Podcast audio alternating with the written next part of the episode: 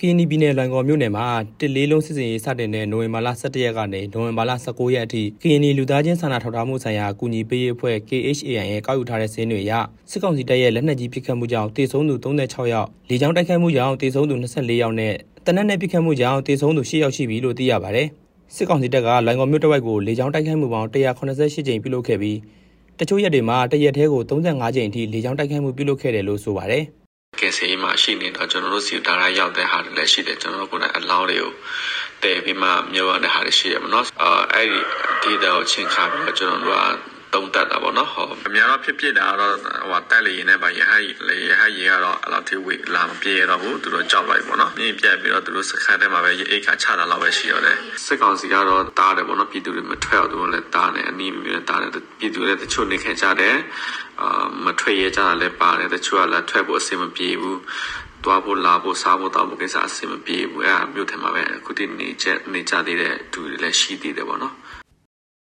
စစ်ကောင်စီတပ်ကြောင့်တည်ဆုံးသူတွေထဲမှာအမျိုးသား28ယောက်အမျိုးသမီး18ယောက်ကလေးငယ်10ယောက်အတိမြူနိုင်သူ10ယောက်နဲ့ဘာသာရေးဖွဲ့စည်းတွေကတည်ဆုံးသူ2ယောက်ရှိပြီလို့ KHAN ရဲ့ထုတ်ပြန်ချက်တွေအရသိရပါတယ်။နိုဝင်ဘာလ14ရက်မှာစစ်ကောင်စီတပ်ကလေရင်နဲ့ဘုံကျဲမှုကြောင့်လိုင်ကော်ဒေသခံအမျိုးသား9ယောက်အမျိုးသမီး9ယောက်စုစုပေါင်း14ယောက်တည်ဆုံးခဲ့ပြီးလက်နက်ကြီးပစ်ခတ်မှုကြောင့်အမျိုးသား1ယောက်နဲ့အမျိုးသမီး1ယောက်တည်ဆုံးခဲ့ရပါတယ်။ပစ်တက်ခံခဲ့ရတဲ့အမျိုးသား2ယောက်နဲ့အမျိုးသမီး1ယောက်ရှိခဲ့ပြီး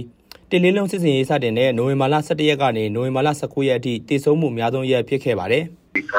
ဒီကကားလေးနဲ့ဆက်နေတဲ့တချို့လူတွေတက်ကတော့သူတို့ကတော့ဒီဟိုအောက်အောက်ပူစာလေးတွေပါတော့ဆက်ကြတော့အမြင့်ချင်းပါဝါပါမှာတယ်ချို့ကလည်းကျွန်တော်တို့ကနေခေါ်ရမှာကျေထုံးရရဲ့ချိဟို ဟိုကျွန်တော်ဆက်ထုတ်ရတဲ့တချို့လူတွေကတော့ဒီအမှုတွေဖြစ်ပြီးဒီကဖြစ်တဲ့ကြောင့်မို့ကျွန်တော်ဒီလိုမျိုးတော့အထူးသဖြင့်ကျွန်တော်ပြောရပါမယ်နော်အာဘာလို့ဒီရောမဆောင်ရောဒီမှာနေကိုထိုင်ပူဝနာအခုတစ်ချက်ရှိတယ်မဆိုင်တိုင်းလည်းအဘလို့ပြောဝနာဟိုအတော့ကင်းတော့ချက်ပေးနေတယ်ဆိုတော့ဆက်လို့ရတယ်လိုင်ကွန်မြို့ထဲကိုလက်နက်ကြီးတွေဆက်ပြတ်ကြောက်တာနဲ့ကာဝေးရေးဖွဲ့တွေဘက်ကမြို့ကိုဆွန့်ခွာဖို့တောင်းဆိုထားတာတွေကြောင့် လိုင်ကွန်မြို့ကနေစစ်ဆောင်ဖို့ထွက်ခွာသူ4000ကျော်ရှိနေပြီလို့ကရင်နီလူသားချင်းစာနာထောက်ထားမှုဆိုင်ရာအကူအညီပေးရေးအဖွဲ့ KHAN ကထုတ်ပြန်ထားပါတယ်။နိုဝင်ဘာလ19ရက်အထိလိုင်ဝမ်မြို့တွင်းမှာအရက်သား90ကျော်ကျန်ရှိနေပြီးစစ်ကောင်စီတပ်တွေနဲ့ကင်နီတော်လိုင်းပူပေါင်းတပ်ဖွဲ့တွေကြားတိုက်ပွဲတွေဆက်လက်ဖြစ်ပွားနေပါတယ်။စစ်ကောင်စီတပ်တွေကအရက်သားတွေကိုပြစ်မှတ်ထားတိုက်ခိုက်နေတဲ့အတွက်တော်လိုင်းတပ်ဖွဲ့တွေဘက်ကလည်းနေရဲမြို့ကိုခိထဆွန့်ခွာချောင်းတိန်ဖို့ဒေသခံတွေကိုတောင်းဆိုထားပါတယ်။ကျွန်တော်လင်းရင်ပါ။